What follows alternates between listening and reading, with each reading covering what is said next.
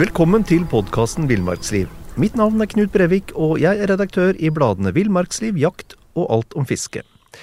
I dag skal vi snakke om den glemte eventyrer, ehm, eller den hvite inuitten, som han også respektfullt ble omtalt, Hjalmar Dale. Og med meg har jeg Randulf Valle, forfatter av boka Hjalmar Dale, Den glemte eventyrer. Men du er ikke bare det, Randulf. Du driver den glimrende podkasten Uteliv. Um, du har vært redaktør i bladet Friluftsliv, og du har testet utstyr og skrevet for Villmarksliv i pluss-minus uh, ti år. Det er mye liv uh, her, Randulf. Ja, det er både mye villmark og friluft og liv, og det, det er jo en eh, bra treenighet, det. ja. ja. Um, boka Hjalmar Dale, den glemte eventyrer. Altså, sånn helt innledningsvis, hvem var Hjalmar Dale i, i, korte trekk? Altså, grunnen til at vi vet om Hjalmar Dale i det hele tatt, er jo at det var eh, Hjalmar Dale som eh, sammen med Helge Ingstad padla over Store Slavesjø og opp Moskusrotteelva og kom til Elgsjøen, bygde hytta der, fangsta ut fra den en vinter og returnerte til handelsposten etterpå. Så vi kjenner Hjalmar Dale som en av liksom, de viktigste skal vi kalle det bikarakterene i Helge Ingstads bok 'Pelsjegerliv'. Mm, mm. Og, og, dermed så er han jo relativt godt kjent, mm. uh, i hvert fall blant en litt eldre garde, for 'Pelsjegerliv' er jo liksom et sånn monument i norsk eh, friluftslitteratur. Mm. Forma flere generasjoner, egentlig, med friluftsfolk? Ja, definitivt. Jeg skriver vel noe om det at uh, altså, Hadde det ikke vært for boka 'Pelsjegerliv', så, så er det ikke gitt at Lars Monsen hadde kryssa Canada. Og Robert Sørli kunne fort ha begynt med harehunder. Mm. Mm. Mm. Det ville vært trist. Det kunne han hende han hadde vært en helt legendarisk harejeger, da. han hadde blitt knakende god der òg. Men han var, altså, han var også Ingstads uh, læremester, så å si.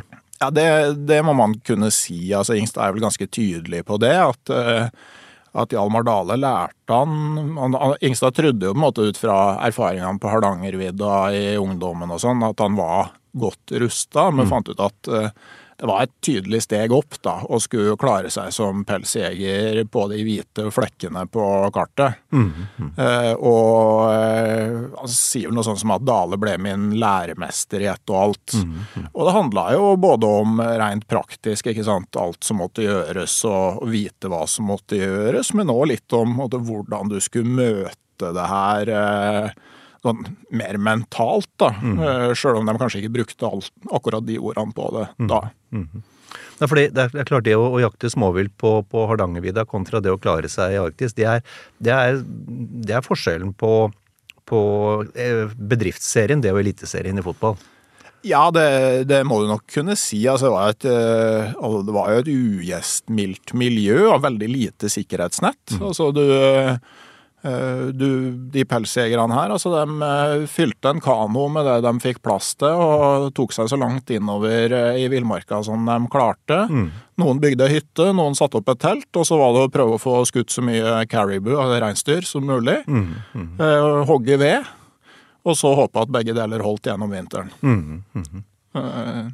Og så var det jo ikke sant, Når du leser 'Pelsjegerliv', så får du litt sånn feelingen at de forsvant inn i det store intet og på en måte dukka opp igjen på Handelsposten på våren. Altså når du går inn i kildelitteraturen, så ser du at det er litt Altså de, de, er ikke alltid så langt unna, altså, sånn, men, eh, men, definitivt uh, en krevende situasjon. Da. Men, men, men, det er jo sånn, sånn, som Helge Ingstad korresponderte jo relativt jevnlig med faren sin. Da. Mm, mm. Og faren var i kontakt med canadiske myndigheter for å sjekke hvordan det gikk med sønnen. Og, mm. Så eh, foreldre var nok bekymra på 1920-tallet òg. Ja, ja. Men, men, det som er helt klart, eh, det, det er at det var, det var, ingen å ringe hvis du fikk trøbbel den gangen. Det var ikke noe knapp å trykke på. Nei, definitivt ikke. Så, så var det jo eh, Noen plasser så var det jo veldig langt mellom folk, og andre plasser så var det jo folk i nærheten. Eh, sånn at eh, du kunne få hjelp, og så var det flere ting da enn nå som du ikke kunne få hjelp med. Men, men det var jo for så vidt litt det samme hvis du bodde i Masi eller Kautokeino eller Skjåk òg. Mm. Uh, hvis du går liksom uh, 150 år tilbake, så var det plasser hvor du var temmelig aleine da. Altså, jeg tror ikke de reagerte så mye på det. Nei. Og for så vidt det samme med de som satt hjemme, da, med folk som forsvant ut og blei borte ei stund. Altså, må huske på at uh, altså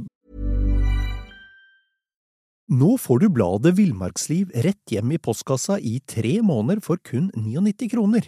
Send SMS VILL36 til 2205 og motta bladet allerede neste uke. Hold up. What was that? Boring. No flavor. That was as bad as those leftovers you ate all week. Kiki Palmer here, and it's time to say hello to something fresh and guilt-free. Hello Fresh. Jazz up dinner with pecan-crusted chicken or garlic butter shrimp scampi. Now that's music to my mouth. Hello Fresh. Let's get this dinner party started. Discover all the delicious possibilities at hellofresh.com.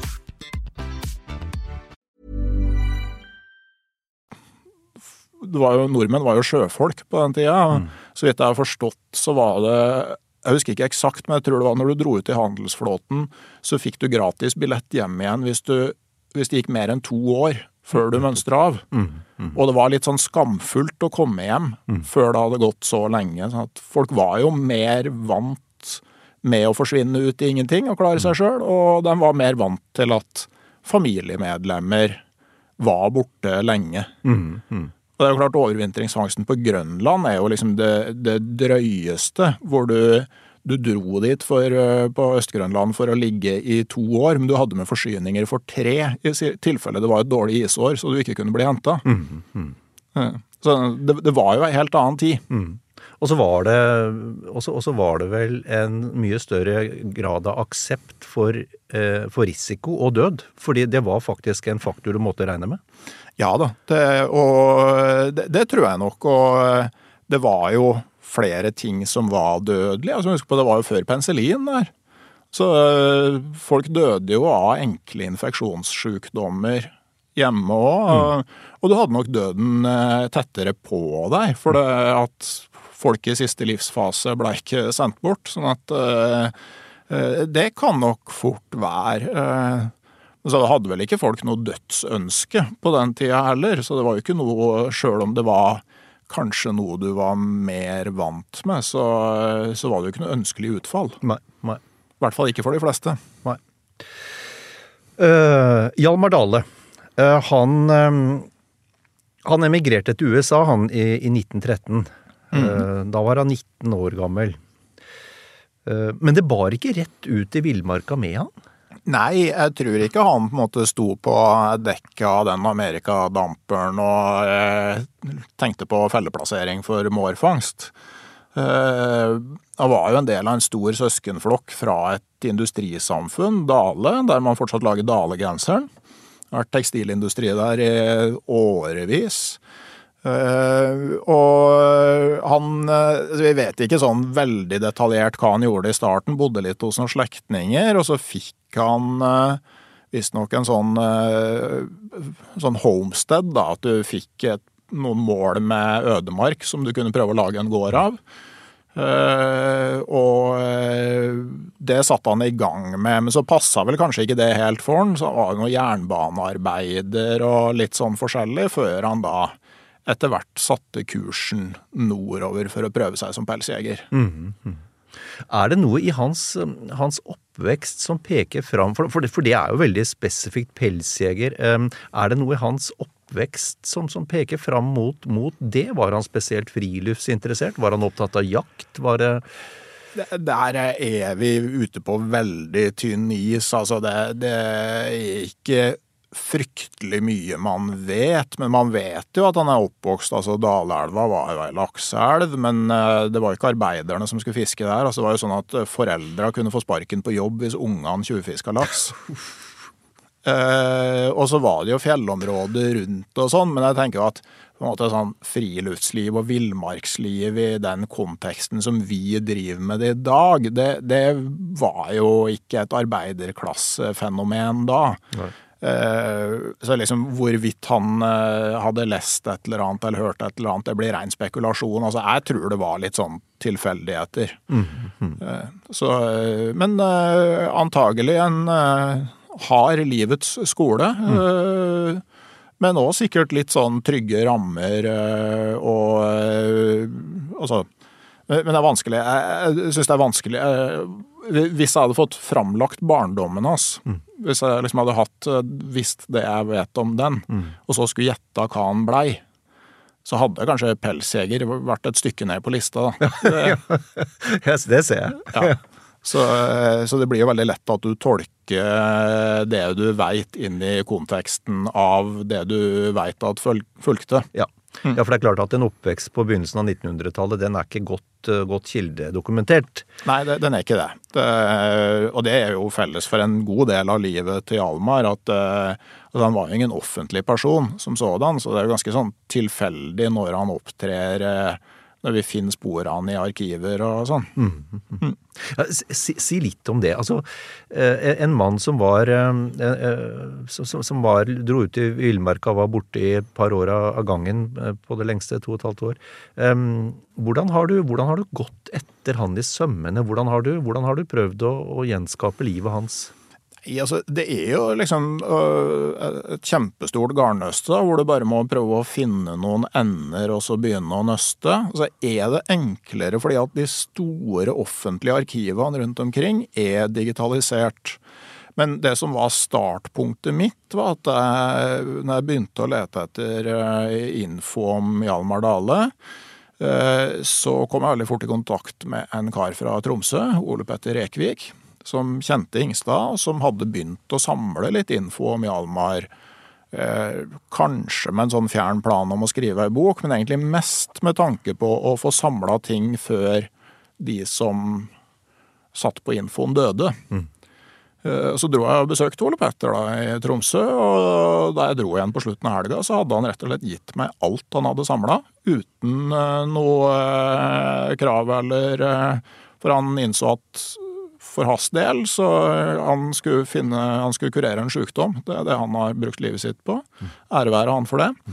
Eh, og at det å skrive boka om Hjalmar Dale Han forsto det som mange av oss sliter med å se. At jeg har lyst til å gjøre det her, men jeg kommer nok ikke til å gjøre det. Nei. Og da er det bedre at noen andre får muligheten til det. Så, så det var, da fikk jeg et ganske sånn stort eh, Jeg hadde en del å begynne å samle ut fra, og så er det bare å begynne å nøste i eh, forskjellige arkiver. Eh, Nasjonalarkivet i Canada, du kan finne arkiver over mm, norske Amerikabåter. Altså det er veldig mye som finnes i arkiver, og når de er mer digitalisert, så er det, så er det enklere å finne fram. Eh, Mappa til Almar Dale i deres eh, National Libraries of Canada, den var borte. Den var eh, flere som hadde vært der og prøvd å finne den. Den var søkk borte. Men så var det plutselig da Frode Skarstein som skrev en eh, Ingstad-biografi, som lurte på liksom, har du sett det her. Eh, Og da har den dukka opp i det digitale arkivet. Altså ikke sant, Typisk ei eh, fysisk mappe som er satt inn på feil sted et eller annet, en eller annen gang. Helt umulig å finne igjen. Men når de da går på å digitalisere hele arkivet, da dukker det opp igjen. Akkurat. Og der er det lange brevvekslinger med myndigheter og søknad om tillatelser til ting og tang, og da kan du i perioder følge han ganske detaljert. Og, og sjøl ute på tundraen altså, så har du politipatruljer og Liksom, Du det blir registrert hit og dit, og handelspostene til Hudson Bay Company, store pelshandelsselskapet med røtter tilbake på 1700-tallet, hele arkivet deres ligger på mikrofilm. Da kan du gå på biblioteket. Bibliotektjenester er gratis. Så kan du si at jeg skulle gjerne ha sett på de mikrofilmene her. Så tar de kontakt med National Archives and Libraries of Canada, eller hva det heter igjen. Så kan du, Jeg satt på biblioteket i Hammerfest og leste loggbøkene fra, fra Hudson Bay Company i Baker Lake. Og så ser du liksom, da må du tolke det, og så må du vite at Hjalmar Dale bytta navn mange ganger. Og da er det liksom Hamar came in from the land Ikke akkurat det, men da har han liksom det er da loggføringa at han har kommet inn etter å ha vært et halvt år aleine ute i villmarka. Og så er han liksom på handelsposten i fire dager, og så er han som liksom trading with Hamar. Ja. Og så går det fire dager, og så drar han ut igjen. Så det er liksom ikke et kjempegilde og nå skal jeg ligge på ryggen her og slappe av i et halvår. Nei, nei, det er bare å få gjort unna tradinga på handelsposten, og så er det bare å snu kanoen oppover igjen og dra ut. Men det, det, det, altså det, er klart, dette er jo et, et, stort puslespill som du jo har lagt eh, på en fremragende måte og resultert i boka. Um, men hvor, hvor lang tid brukte du på det? Det, det, er litt sånn definisjonsspørsmål. Uh, for uh, Jeg begynte vel sånn seriøst å lete etter info om det her i kanskje rundt 2004. Uh, og det var da jeg traff Ole Petter. Og så gikk det vel omtrent ti år derifra til boka kom, mener jeg å huske.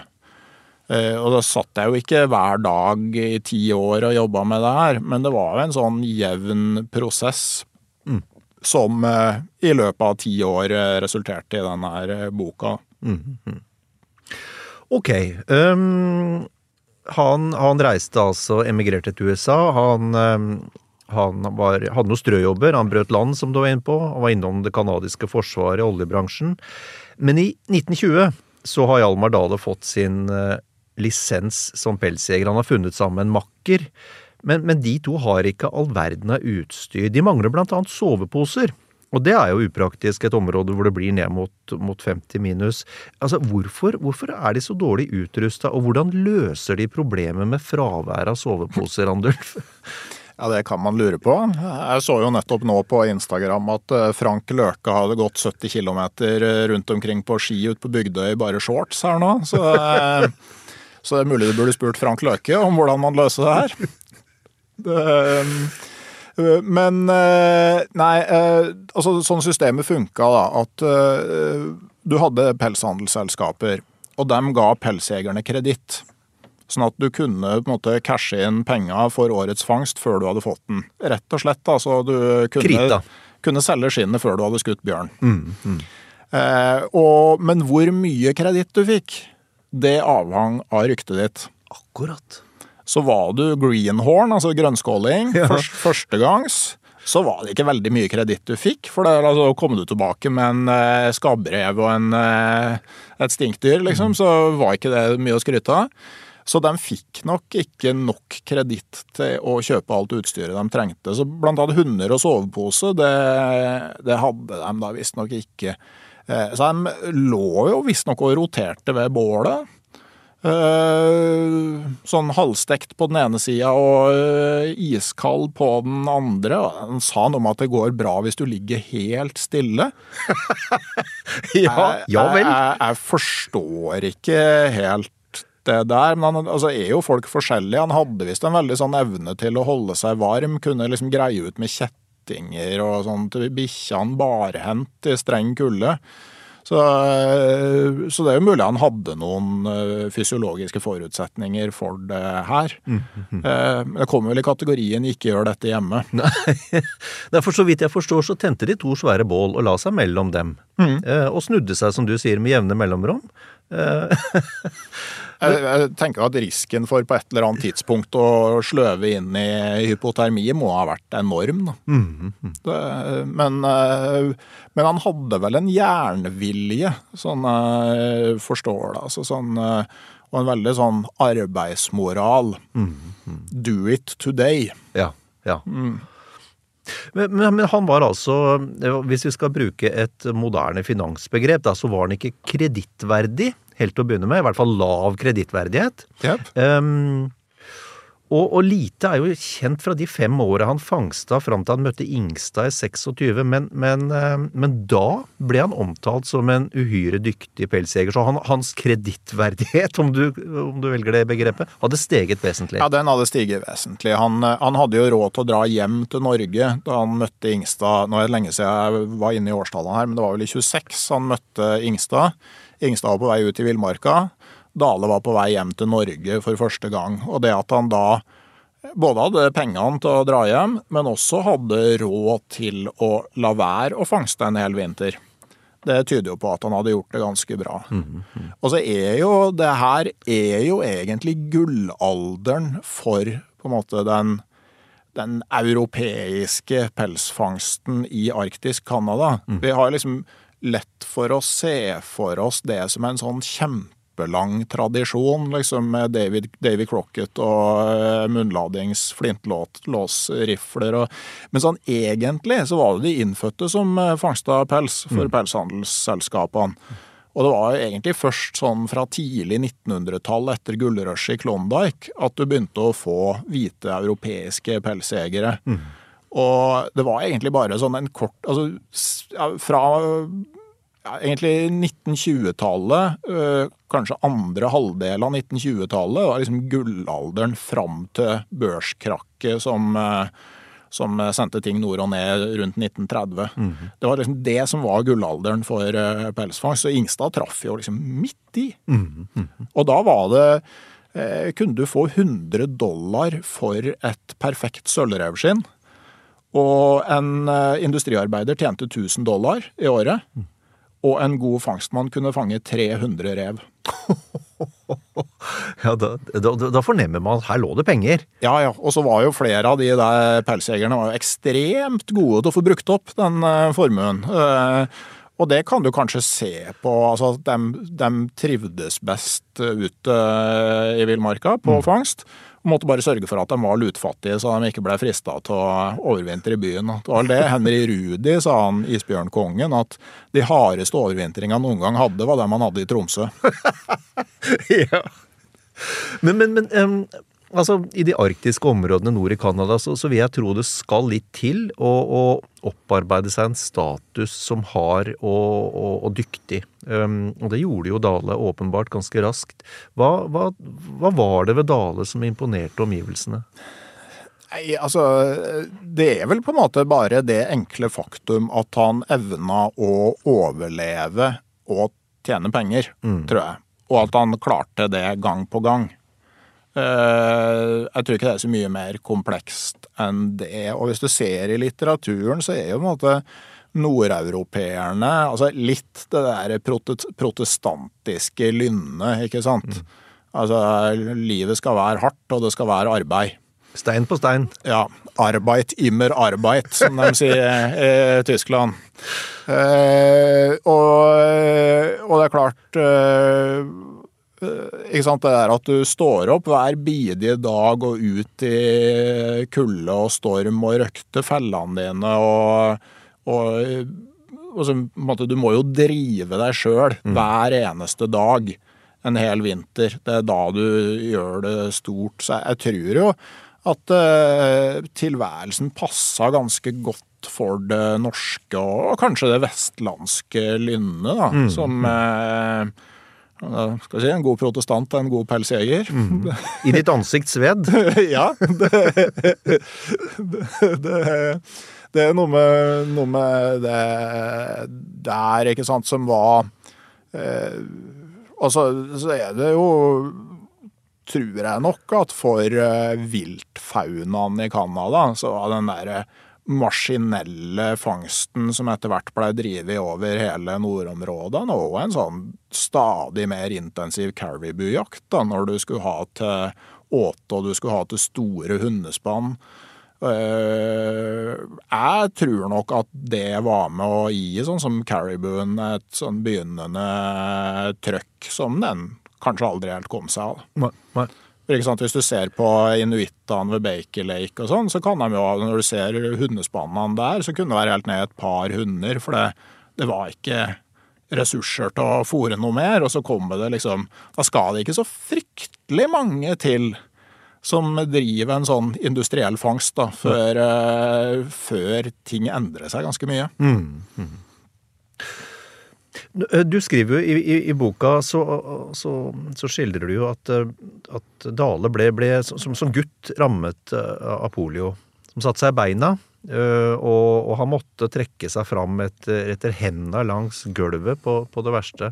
Og at han da la ned en, en veldig hard treningsdisiplin over tid, og utvikla annen muskulatur, da, som, som jo er hensiktsmessig når polio rammer. Og du har en, en teori om at det er, er, litt av hva skal du si, den eh, både fysiske og mentale bakgrunnen for at han lykkes så godt i et så karrig område som, som nordområdene i Canada? Ja, det, det, kan nok være, ikke sant, det derre eh, Altså i hvert fall vise noe av karakteren, da. Altså den eh, Det at du møter problemene, at du gjør det som Altså, du ser uh, mulighetene, at, uh, og, og, du har den disiplinen til å fortsette og fortsette og fortsette. Mm.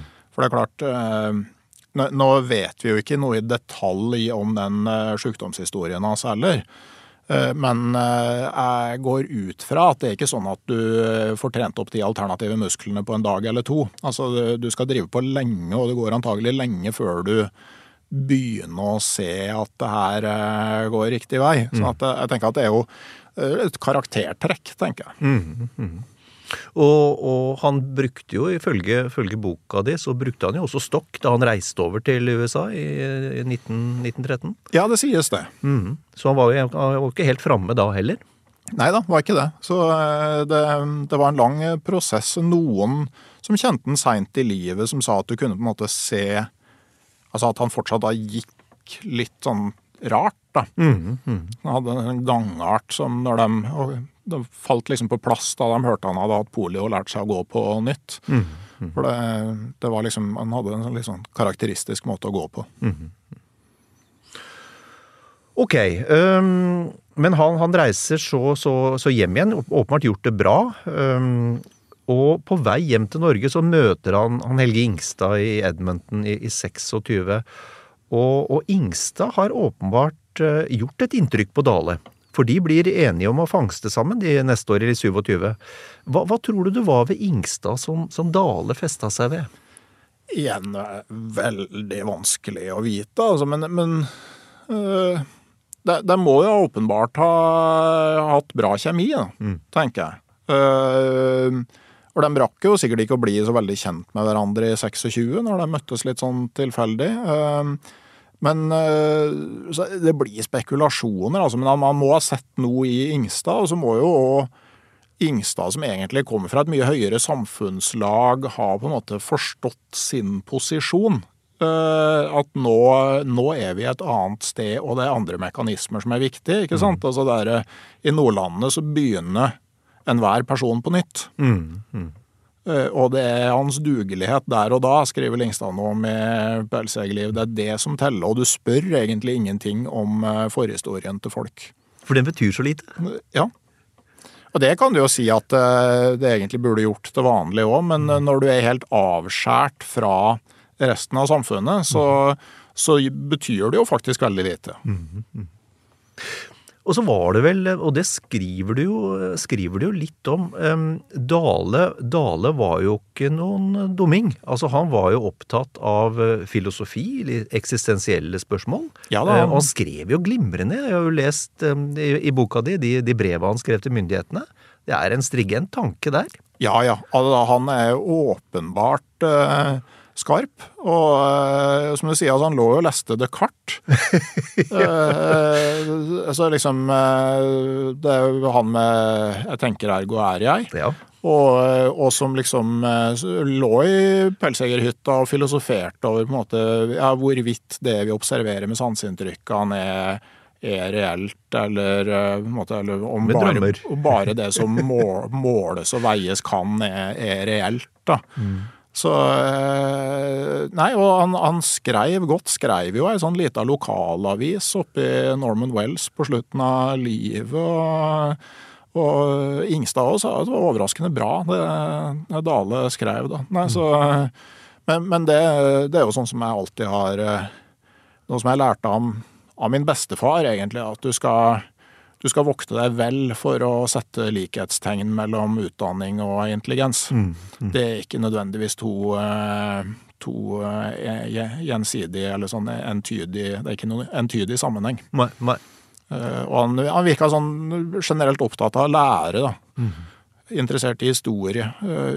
Sånn når han jobba i oljebransjen på slutten av livet, så ville han gjerne diskutere med nyankomne ingeniørene. Akkurat. Ja. Sette dem på plass. Nå får du bladet Villmarksliv rett hjem i postkassa i tre måneder for kun 99 kroner. Send SMS VILL36 til 2205 og motta bladet allerede neste uke. Hiring for your small business? If you're not looking for professionals on LinkedIn, you're looking in the wrong place. That's like looking for your car keys in a fish tank. LinkedIn helps you hire professionals you can't find anywhere else, even those who aren't actively searching for a new job but might be open to the perfect role. In a given month, over 70% of LinkedIn users don't even visit other leading job sites. So start looking in the right place. With LinkedIn, you can hire professionals like a professional. Post your free job on linkedin.com slash achieve today. Ok, men, men, men, kanskje det var noe der. Der hadde de i hvert fall en felles For, for, for, for Ingstad var jo også intellektuell og opptatt av disse store spørsmålene. Ja, definitivt. Så Nei, altså, jeg, jeg tenker kanskje at det er så enkelt som de har møttes og Altså at, at de følte at de hadde en kjemi, da. Uh, og uh, det er klart, altså for, uh, for Ingstad så var det jo åpenbart at det var en kjempemulighet. Mm. For, for, han hadde han, han Det året som, eller vinteren som Dale var hjemme, så hadde Ingstad litt sånn lite suksessfullt år som ikke blei sånn som han hadde tenkt, og som Eh, egentlig i pelsjegerliv bare beskrives i løpet av en halv setning. Mm. Jeg kom fra skogene i sør. Ja. det var ikke noe spesielt vellykka år? Nei, det, det, var ikke noe som var verdt å bruke noe plass på i boka, nei. tenker jeg. Det, det er liksom eh, Så så for Ingstad så var det jo åpenbart en kjempemulighet. Og så mm. så Dale noe her. For Dale hadde jo òg litt den der oppdager eh, eh, av seg, da. Mm. Altså sånn I McKenzie-dalen, hvor uh, Dale hadde vært nå de siste årene før han møtte Ingstad, så blei det flere og flere og flere trappere og mindre og mindre vilt. Mm. Så det at de dro inn til områdene øst for den store Slavesjø, det var liksom sånn helt nye områder hvor det da var kanskje fem-sju europeiske pelsjegere, som, mm. Eh, eller noe sånt, nordamerikanske. men som, eh, som fangsta. Sånn at det var et klart Og det var egentlig ikke dit de hadde tenkt seg heller. Eh, lang historie, det, men de skulle til Coppermine-flodens kilder. -hmm. Og så oppga de det, og så skulle de til Telons kilder i stedet. Mm. Og så endte de ja, ganske nære bredden av Store Slavesjø. Mm. På Elgsjøen. Hvordan hadde de to det sammen? Det er ingenting som tyder på at de ikke hadde det bra. Nei. Det, eh, Ingstad snakker jo veldig, eh, veldig respektfullt om Dale, skriver om han eh, respektfullt. Vi vet jo at de var Altså, de skilte jo lag etter ett år. Det er en sånn amerikansk bok, kanadisk bok, hvor det spekuleres i at det var en sånn alvorlig uoverensstemmelse mellom sånn indusert av Ingstads foreldre, men vi vet jo at Dale besøkte jo foreldrene til Ingstad flere ganger han besøkte dem når han var tilbake i Norge, og det er ingenting som tyder på at det var noe vondt blod mellom dem. Nei. Uh, mer da at de hadde litt sånn forskjellige interesser for hvor de uh, ville videre. Kanskje litt sånn tilfeldigheter som gjorde at da Ingstad ble igjen øst for Store Slavesjø, og Dale satt uh, kursen ut på tundraen og østover inn i de enorme villmarksområdene øst på tundraen. Mm -hmm. Et sted vi også er nødt til å snakke litt om, det er du skriver at, um, at, at, at Dale jobba bevisst med det mentale. Dette med å tenke, tenke, gode tanker. Og i dag så er jo det sånn, sånn allment kjent tankegods rent HR-messig, da. Mm. Men, men det var det ikke på 1920-tallet. Altså, han var åpenbart forut for sin tid der. Ja, kanskje han i hvert fall var bevisst på det. Eh, så eh, at han, eh, at han liksom Både sånn det må tenke gode tanker, som han sa, men også det derre Det er jo viktig at det er kobla til handling, tenker jeg. For i dag så fnyser jo når jeg leser om det der med manifestering. At du liksom skal sitte og tenke på det som skal bli bra. For det var ikke det Dale gjorde. Han, eh, han eh, tenkte sikkert at det her kan bli en bra dag, og så gikk han ut i kuling og 30 minus og greia ut med bikkjene og fikk sette etter fellene. Mm. Og fikk gjort det han skulle gjøre. Mm. Og så kom han tilbake i teltet og fant ut at eh, ja, ja, jeg har jo fire vierkvister som jeg kan eh, fyre på, så det her blir jo en bra middag. Ja. Eh, og så lagde han seg reinkjøtt til, til, middag. Altså, så jeg, jeg, tror det var Altså den Det er jo jeg ville kanskje tro at det er på et vis sånn handlinga som leder tanken. da. Mm. Men, og det er jo andre sånn, igjen Henry Rudi og sånn inn på, at den friheten som pelsjeger og den lykken den handler jo om å ikke bruke friheten til å ikke gjøre noen ting. Uh, lykken kommer når du liksom Du har gjort det du skulle gjøre, sjøl om du ikke måtte. Mm, mm, mm. Det, så, uh, men kanskje Dale var tidlig med å måte, forstå hva han gjorde. Mm. Mm. Og, og i, i, et kompaniskap med andre, sånn som de lå sammen, så tenker jeg så er det jo helt avgjørende at man gir hverandre og igjen, dette er, nå er det kjent tankegods som at man gir hverandre positive tilbakemeldinger, og ikke hele tida finner det negative å snakke om. Eh, og det kan kanskje også være en årsak til at de hadde et ålreit år sammen, da. Ja, det, det, kan godt være. Det var jo nok av eksempler på sånn makkerpar som, eh, som kom temmelig dårlig ut av det med hverandre. Mm. Eh, men Dale og Ingstad hadde nok bra, da. Mm. Så Sjøl om det blei med det det ene året. Mm. Um, Dale kom jo også godt ut av det med, med både, både, indianere og, og inuitter, og, og, lærte åpenbart mye av dem. Ja, og det, det er jo eh, Det er jo åpenbart viktig. Og der, altså Det kan jo hende at eh, Dale hadde lest Nansens Eskimo-liv. Mm. Jeg tenker jo at uh, sånn i min egen podkast så er det sånne ting jeg stadig kommer tilbake til. At jeg tror uh, kanskje det viktigste punktet i norsk polarhistorie er da Nansen blei så forsinka på grønlandskryssinga at han måtte overvintre på vestkysten. Mm, mm. For hadde han rekt båten hjem, så hadde han ikke trengt å bo den vinteren sammen med inuittene. Mm. Eh, og den erkjennelsen av måte, hvor mye man kunne lære av dem, mm. Den tenker jeg smitta eller Den tok jo Nansen med seg videre. Grunnen til at han overlevde sammen med Johansen. Og at også Amundsen gjorde det samme, mm. ikke sant. Uh, og Astrup var jo også der. altså ja, ja. Lærte jo det viktigste av inuittene. Ja, nei, så eh, den der eh, vissheten om at her, her, er det noen som er mye flinkere enn oss til å overleve i det miljøet, det, det kan godt hende at Dale har eh, liksom ja ja, får gjøre som, får gjøre som Nansen og Amundsen, da. Vi får bare slå oss ned sammen med dem og finne ut hva de, hva de har å lære bort. Mm, mm. Så han Sånn på slutten av livet, altså ut på 60-tallet, så var jo i Norman Wells oppe i Nord-Canada hvor han bodde. Det var han som kunne bygge iglo. så var, I løpet av boka jeg, var, jeg prøvde jeg å liksom få snakke med folk som hadde møtt Dale. og eh, En av dem var en da 85 år gammel katolsk prest som bodde i et sånn bitte lite samfunn som het Colwill Lake. Jaha. Eh, jeg må nesten fortelle, det, det var en opplevelse i seg sjøl. Altså, du, du, drar til Norman Wells som er en sånn bitte liten plass med noen få hundre personer. Der kommer det jo ganske store jetfly. Du har spesielle, eh, noen spesielle greier på jetmotoren, sånn at du kan lande på grusbaner. Det er bare noen få av jetmotorene, eller ikke jetflyene til eh, de selskapene som kan lande på de grusbanene. Eh, men så skal du da fly til Colway Lake, og det var et enmotors propellfly som har rutefly dit. Så sto jeg liksom der og kikka utafor flyet og tenkte altså, her må jo være en for mye. Det her går ikke opp med antall seter. Og hvis at jeg da, jeg ble plassert i kopilotsetet, så jeg hadde fungerende stikke og pedaler foran meg. Da vi eh, er tillitsvotum? Ja, det kom inn dit. da, Noen sånn tømmerrytter midt, midt utpå her, og han Bern Burn Brown, da, som eh, måtte bare beklage at han hadde nettopp solgt flyet sitt. da, Hvis ikke kunne vi dratt og utforska. Så jeg tenker at jeg tror kanskje at jeg er glad at jeg ikke skal ut og fly med en en 85-åring, uansett hvor gode kontakter han måtte ha opp i eh, øvre etasjen. Det- Tusen takk for tilbudet! ja, thanks but no thanks.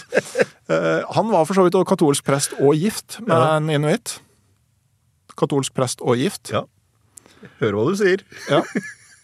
Eh, så han hadde da eh, fått lov direkte fra paven. Ok. Og så er det jo sånn i katolske kirke så er jo ordinering av nye prester det er et sakrament. Og de, de kan ikke gjøres ugjort. Akkurat som egentlig skilsmisse ikke går an ikke sant, i den katolske kirke, for det er et sakrament. Så, men han blei da løst fra sølibatet og fattigdomsløftet. Eh, Men sånn til gjengjeld for det så var det et par sånne eh, kirkelige handlinger, annet nattverd, så vidt jeg hadde fått med meg, som han ikke kunne utføre. Ok. Men de dro jo i gang med nattverd likevel. Det er ikke så mye sånn kontrollører fra katolske kirka. Så jeg var i den vesle kirka som han hadde bygd. Da. Nydelig tømmerkirke. Han hadde malt altertavla med nordlys, og det er liksom Madonna-bilde sånn derifra. Da. Så jeg lurte jeg på liksom sånn eh, Jeg er jo sånn formelt sett protestant, sjøl om jeg jo egentlig er hedning, da. Eller og jeg tenkte sånn, eh, Som katolsk prest så har jo ikke han lov å gi nattverd til en protestant.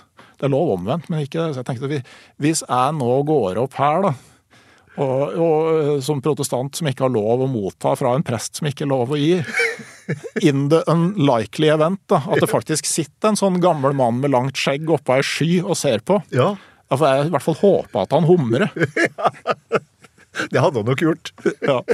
Men, eh, men eh, Bjørn Brown han lærte å bygge iglo av Hjalmar Dale. Var ei uke i Norman Wells. Hver kveld så gikk de ned på elva, fant riktig snø. Og han ble instruert til å bygge iglo, så han var da i den eh, sånn native villagen, så var det presten som kunne bygge iglo. Du verden. Um, ok, men, men det, det, bare, bare for å avslutte den, det er jo det er, det, det er jo en sånn rød tråd gjennom den delen av norsk polarhistorie som har vært vellykka. Det, det er det, det, den derre evnen til å, å lære av inuittene. Ja, Eh, definitivt. Og, og være litt ydmyk for at det faktisk er andre som kan mye, mye mer enn en selv. Ja, og det, der tror jeg nok eh, de som kan mer om meg enn det her, mener jo at sånn som Nansen annet endra syn på samer etter å ha bodd sammen med inuittene. Ja, det har jeg også lest. Mm. Ja, at øh, Og på en måte Ingstad òg hadde en sånn der prosess han gikk gjennom, hvor han først kanskje syntes de ja, kanskje var litt sånn late og sånn, men etter hvert forsto at altså Ja, OK, det, du har øh, Altså du sitter foran i skjortearmene foran teltet og føler deg som millionær, og skogene står til din rådighet, og kjøttgryta er full, og det henger mat på cash. Og, altså, Kanskje det er dem som har skjønt noe? Altså, hvorfor i all verden skal man springe rundt for å fikse noe mer da? Altså, du har alt du trenger. Altså, hvorfor skal du bekymre deg for det som kanskje kan skje om to år? Det er sant. Heller eh, da bare smile og ha det fint, fordi at livet er bra nå. Um, en, av, en av turene, Randul, som har gitt eh, Dale legendestatus, den trekkes, trekkes ofte fram, det er jo da han dro ut fra store Bjørnesjø til Hudson Bay. 150 mil i luftlinje unna med, med hundeslede, en kasse ammunisjon og, og drøyt to kilo te. Og levde av landet i to og et halvt år. Altså, det høres jo helt ellevilt ut, men, men er det, var det egentlig så, så ekstremt? Ja, det, det var jo det i den betydning at det var jo sånn i hermetegn ingen andre som gjorde noe sånt. Nei. Uh, og når du drar fra Store Bjørnesjø til Hudson Bay, så er det ingenting imellom. Nei. Og på den tida der så var det nok knapt innfødte der heller. Sånn at han fulgte nok sånn helt eh, rett nord for tregrensa, ikke sant? For at da har du eh, fin, fast snø, samtidig som du har tilgang til ved. Eh, og du kan ikke ha med mat til en så lang tur, for da blir sleden for tung. Så jeg tror nok det var en sånn der eh, raske forflytninger og hvilepauser hver gang du hadde skutt et eller annet. Nettopp. Eh, og eh, for så vidt akkurat samme måten som de innfødte forflytter seg på. Mm. lav vekt, rask forflytning. Spise før du drar og etter du kommer fram, og så spiser du det du finner underveis. Eh, så, eh, men eh, det er jo òg en sånn reise som vi dessverre veit for lite om. Eh, jeg fant litt mer info, men rett før jeg var ferdig med boka. For det er jo sånn en ting du gjør når du søker om info her, at sant, hver gang du eh, kommer borti en person som har en relasjon til Dale, mm. så er det bare å begynne å søke seg fram på alt du kan finne ut om den personen. Mm. Og da var det en som Dale hadde hengt litt med, da, for å si det sånn, som, eh, som faktisk skal skrive ei bok. 'History of Yellowknife'. Eller det var et hefte. Men, eh, og der inni Det var dyrt. Fant det på antikvariat på nett og tenkte det her Jeg hadde hatt en del sånn bomkjøp som ikke ga meg noen ting. Ja. Og så liksom Skal jeg, skal jeg ikke, skal skal jeg ikke? Jo, jeg kjøper det. Og så var det sånn en ordentlig passasje inni der om akkurat den turen fra Store Bjørnesjø til Hudson Bay og antagelig tilbake til Store Slavesjø. Så det bare ja, det Og uh, For den hadde, vi, hadde jeg hørt om. Flere hadde fortalt den historien der om han kryssa tundraen. Men historiene var ikke like. Og der fikk jeg en samtidig fortelling fra en som jeg visste at hadde en nær relasjon til Dale. Mm, mm. Uh, og da har du plutselig mye mer sånn sånn en, en, beretning som har mye mer tillit, da, som du kan antagelig anta at det er veldig nære eh, sannheten. Mm, mm. For det er jo ingen tvil om at når du, sånn som når jeg snakker med 85 år gamle Burn Brown i eh, 2008, og det da er, skal vi se, det er 60, nei 40 år siden han eh, traff Hjalmar Dale. Mm. Eh, så eh, betyr jo liksom det at minnet er nok litt farga. Mm. Og, og sånn Du kan på en måte bruke det som en sånn stemningsuttrykk og sånn, men, men de er lik best samtidige skriftlige kilder når jeg skal håndtere fakta. Mm, mm. Det er fordi Tilbake til spørsmålet. Det, det, det, folk ofte, det, folk ofte, reagerer på, er jo, er jo at han reiste ut med en, en, en kasse med ammunisjon og to kilo drøyt to kilo te, og ikke noe oppakning. Men som du skriver i boka, du kan ikke ha med deg du kan ikke ha med deg proviant for to og et halvt år. Så, så, du må reise, du må på en måte reise etter falla, da, eller reise etter dyra, så, så, som du skriver? Ja, nei, det, det, er jo det, og så kan du liksom stoppe å lage tørrkjøtt da, når du har eh, Samtidig, ikke sant, med et hundespann og sånn, du har jo et ganske stort matbehov hver dag. Altså det jeg vil tro kanskje sånn en kilo kjøtt per bikkje. Mm, mm. Uh, og i hvert fall det samme til deg sjøl. Mm.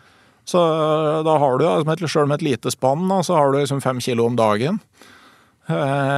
bare ti dager er 50 kilo. Mm, mm. Sånn at det er åpenbart at du må felle det ettersom du forflytter deg. Og derfor har det nok vært en veldig sånn stegvis forflytning med ganske sånn permanente leirplasser innimellom og sånn. Mm. Og så var det ikke alltid at de prosjektene hans gikk som de skulle. Han skulle jo øh, la ut på en sånn tur øh, fra ute ved Hudson Bay og skulle over til Lake Athabasca. Mm. Og det var det visst. Der var det bare fordi han støtte på noen inuitter at han overlevde. Okay. Sies det, da. Ja. Øh, eneste skriftlige kilden om den turen, det er et telegram fra Dale til Ingstad. Ja hvor det sto 'Godt stuck going Attaba Lake'. det sier mye. Ja, men tenk så mye som Tenk om dagbøkene han hadde med kamera og film på den turen. Og så bare tenk på de historiene ja. som kunne ligge der. Borte. Ja, for det er borte, det. Eller, eller, eller ligger det en eller annen safe eller en Det kan man jo ikke vite. Det, eller om noen har møtt måten å skrive ned historien i sin dagbok. Ikke sant? Det, du kan aldri vite, men eh, det er klart eh, Nei, altså Det er jo Altså jeg vet jo sånn fra polarhistorien, altså Wilhelm Barents, mener jeg var, som la igjen en sånn der metallsylinder med en uh, lapp inni, som blei funnet sånn type 200 år etterpå. Mm. Altså det, Sånt skjer, da, men uh, Men uh, jeg tror nok vi må innse at mye av livet til Dale, det vil vi aldri få vite noe om. Nei. Kanskje er det best sånn. Men, men, en god del har vi fått greie på takket være boka di, Randulf. Um, ha, du, du, skildrer jo et, et sammensatt, sammensatt menneske som, som, trives i eget selskap. Eh, knallhard fyr, ekspert på overlevelse i arktiske områder. Men, men det jeg lurer på, var det, var det noen kvinner i livet hans? Vet ikke. Nei. Det, jeg kan ikke si at det er. Altså, rykter er det alltid. Altså Eh, men eh, det er på en måte valgt altså Så lenge som jeg har prøvd å gjøre litt research på om det er noe som tilsier at de kunne være sann. Altså rykter om at han hadde barn der og der, mm. hvor jeg har hatt kontakter. Og det si at eh, det er ikke noen Nei. halvblods, da, for å kalle dem det. Nei. Foreldreløs, eller sånn farløs, som kunne stemme med det på det tidspunkt og sånn. Så det blir, blir spekulasjoner. Altså Det være rart om det aldri var det. Men eh, han, jeg, tror ikke, jeg, tror ikke, noen gang han var i en sånn varig relasjon. Nei. Nei. Altså, han, han, han eh, på, på, slutten av livet så, så, så Altså, han, han, lette jo, lette jo etter, etter de store funna, enten det var vilt eller det var olje. Han, han lette etter asbest. Um, selv om han tilsynelatende altså tilsynelatende så var han ikke så opptatt av penger og rikdom, men han lette likevel etter disse store varpa da hele livet. Var han en drømmer? Nei, det tror jeg ikke han var. Men Nei? jeg tror han eh, likte den på en måte praktiske og intellektuelle utfordringa med å ja, liksom lære seg geologi, eh, tenke på logistikken, altså prøve å finne de mineralfunnene. Var, altså, på, på grava hans i Norman Wells så er det jo ikke rifla og slagfella som er gravert inn. Altså, det er hakke og spade. Akkurat. så han var Der var han prospekter, altså sånn mineralleter. Mm. Mm. Mer enn pelsjeger. Mm. Uh, sånn at uh, Jeg tror han likte den derre Altså sånn puslespillet, med å eh, prøve å finne store, store funn. Og jeg tror om han hadde funnet et sånt stort mineralfunn og solgt det videre, så ville han ikke slutta å lete av den grunn. Det var prosessen, altså prosessen med å, å lære og skjønne? Ja. Og sjøl han, han, hadde jo en periode hvor han hadde fast jobb på, eh, på oljeanlegget i Norman Wells. Og, men da òg så var det jo at han, han When he left in his canoe, he was happiest. så liksom da kunne padle bort. Og han hadde en ganske sånn arbeidsgiver som skjønte at uh, ja, det, han må få lov til det iblant. Mm, mm. Han, uh, der òg, så han jobba gjerne på de plassene hvor du var aleine, da. Mm. Uh, rensa rør for voks og noe sånt, tror jeg, ute på noen sånne kunstige øyer ute i McKenzie River så hadde han brukt røyksignaler fra eksosen for å liksom sånn, Jeg tror at tre skyer betyr 'kom og hent meg', og to skyer 'jeg har problemer, kom og hjelp'. Og så på, han, han, fortsatte jo, han bodde jo alene eh, og reiste, bygde seg hytter. Mm. Og fortsatte å reise ut. Og han, han døde jo alene. Mm. Han døde lut fattig. Mm. Kan du si litt om altså, hva var det siste, den siste tida til Dale? Den siste tida, så, altså, Han hadde jo drevet som oljearbeider i Norman Wells ganske lenge. Og så, eh, da han blei eldre, altså opp i 60-åra, så fikk han jo en pensjon. Eh, som den blei jo da telegrafert rett til Hudson Bay-butikken i Fort Norman, så han liksom kunne hente ut forsyninger der. Og da hadde han en sånn der årsrytme hvor han tilbrakte vinteren vest for McKenzie River. Og sommeren på skjerpet sitt ved Store Bjørnesjø, hvor han lette etter da, en asbestforekomst. Mm. Uh, og da lå han om vinteren og egentlig lagde tørrkjøtt. Jakta elg og altså, hva han ellers drev med, vet jeg ikke. Fyra. ja. Leste det kart. eh, og, og, så når våren kom, så, så ble han flydd ut da, og da var, da var liksom piloten var sworn to secrecy, altså måtte sverge på å ikke fortelle noen hvor han hadde satt den ut. da. Det var så vidt litt sånn risky i tilfelle den piloten krasjer i løpet av sommeren. Da, så har du plutselig ingen som vet hvor du er. Eh, Men eh, da, da lå han rundt da og, og prøvde å og gravde og hakka stein da, om eh, sommeren i myggsvermene. Og så var, hadde han sånne perioder hvor han da var innom i Norman Wells og kunne få bo på arbeiderbrakka og spise og sånn. Han var ofte forferdelig sulten når han kom inn. Og forferdelig illeluktende, har jeg skjønt. Ja, det kan man jo for så vidt eh, forstå. Han har smurt seg med bjørnefett for å holde myggen unna. Kan tenke Når det er sånn eh, 20 varmegrader og du har gått innsmurt i bjørnefett i et par måneder, så, eh, så har nok det en, eh, en helt grei odør. Altså det, det må det være lov å si, som Drillo ville sagt. Det, Det river deg ned sosialt. Ja, jeg tror kanskje ikke egentlig det, for at jeg tror altså, eh, altså Hamar, som han ble kalt Norman Wells, da han eh, De var nok glad i han, for han symboliserte et sånn bindeledd til pionertida, til hvem de egentlig var, da, eller hvem de i hvert fall hadde vært.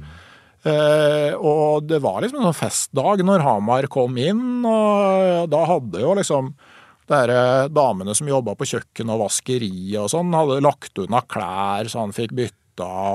For han hadde jo ett sett som han gikk i til hverdags og fest, men de tok unna sånn klær som ble liggende, da, så han hadde litt når han eh, kom inn. og så eh, fikk han eh, Han kunne liksom spise liksom en, en hel indrefilet, for eksempel, når han eh, kom inn fra The Land. Det var jo snakk om det var en ire som visstnok var sånn, sånn der eh, bråkmaker, eh, som eh, hadde fått tak i det var noe eh, brente pommes frites som, han, eh, som ikke skulle serveres, da, men han hadde klart å ta det med seg fra kjøkkenet for å kunne klage til sjefen. på maten. Og så skulle han bare, det var et eller annet han skulle gjøre før han skulle videre til sjefen og klage. Eh, Så han la dem fra seg i brakka. Det han ikke hadde huska på, var at eh, Hjalmar Dale nettopp hadde kommet inn fra børsen. Så mens han var ute i fem minutter og kom tilbake, så var jo der svidde pommes fritesen var borte. Han, han spør liksom hvor blei det av dem? Og sa å nei, de var kjempegode, jeg spiste dem. Tusen takk for mat! ja. Ja, fantastisk. Men, men, men han, ble, han ble jo han ble funnet død i hytta si med en levende hund utenfor, forsto jeg? Ja, øh, hun som hadde hatt tilgang til eh, klart å få tak i eh, kjøttlageret. Han hadde vel, så vidt jeg forstår, kreft. Var veldig dårlig hele den siste høsten. Dagboka hans derfra er jo delvis beskrevet i en politirapport. Eh, Sånn at du ser at han sleit veldig, og var, skjønte ikke helt hva som feilte den. da. Han mistenkte at han liksom hadde spist noe dårlig mat, han mistenkte at det var aluminiumskjeler, han hadde vært og fått tak i nye stålkjeler i stedet. Hadde masse teorier for det, men antagelig så hadde han nok da kreft. Og For da hjalp ikke slagordene som at det alltid er en vei ut. Nei, for det var jo Det fins alltid en utvei. Så er det jo en Altså, døden er jo også en utvei. Man skal jo dit til slutt. Så eh, han fikk vel et illebefinnende, et slag, hjerteinfarkt, jeg vet ikke helt. Eh, han ramla vel over ovnen og eh, lå liksom litt sånn med armene ut og De syntes vel det var trist, da, at liksom gamle ja, sånn byoriginalen, maskotten og måte sånn samlingspunktet fikk en, et sånt endelikt. da. For det var jo da han De brukte jo å være ute med posten til jul. Så hadde det ikke blitt noe av det det året. Og når de fløy over, så så de ikke noe spor eller noe sånt. Så var, de begynte å bli bekymra. Så var det noen som dro ut da og fant den død. Mm. Så da var det sørgedag i Norman Wells, da, da Dale blei flydd inn. Um, Hjalmar Dale, boka Den glemte Altså Hjalmar Dale, Den glemte eventyrer. Det er en eh, fantastisk bok. Eh, nå har jeg lest den to ganger. Um, hvor får man tak i den, eh, Randulf, hvis vi vil ha den nå? Nei, du må gjerne kjøpe den av meg. Eh, Randulfvalle.no. Eh, der er det en liten nettbutikk. Du kan jo til og med få den signert. Eller så fins den jo antagelig i en del bokhandler og på biblioteket.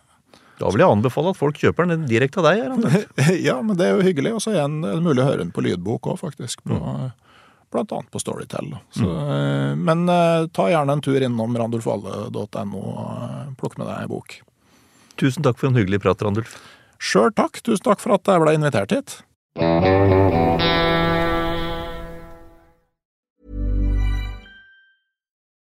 Nå får du bladet Villmarksliv rett hjem i postkassa i tre måneder for kun 99 kroner. I Villmarksliv kan du lese om norsk natur, ærlige tester av klær og utstyr, og mange gode turtips skrevet av erfarne friluftsfolk, fiskere og jegere. Send SMS VILL36 til 2205 og motta bladet allerede neste uke. Lev livet villere med bladet Villmarksliv. Hold up. What was that? Boring. No flavor. That was as bad as those leftovers you ate all week. Kiki Palmer here, and it's time to say hello to something fresh and guilt-free. Hello Fresh. Jazz up dinner with pecan-crusted chicken or garlic butter shrimp scampi. Now that's music to my mouth. Hello Fresh. Let's get this dinner party started. Discover all the delicious possibilities at hellofresh.com. Hey, it's Paige DeSorbo from Giggly Squad. High quality fashion without the price tag. Say hello to Quince. I'm snagging high-end essentials like cozy cashmere sweaters, sleek leather jackets, fine jewelry, and so much more. With Quince being 50 to 80% less than similar brands. And they partner with factories that prioritize safe, ethical, and responsible manufacturing. I love that. Luxury quality within reach. Go to quince.com slash style to get free shipping and 365 day returns on your next order. Quince.com slash style.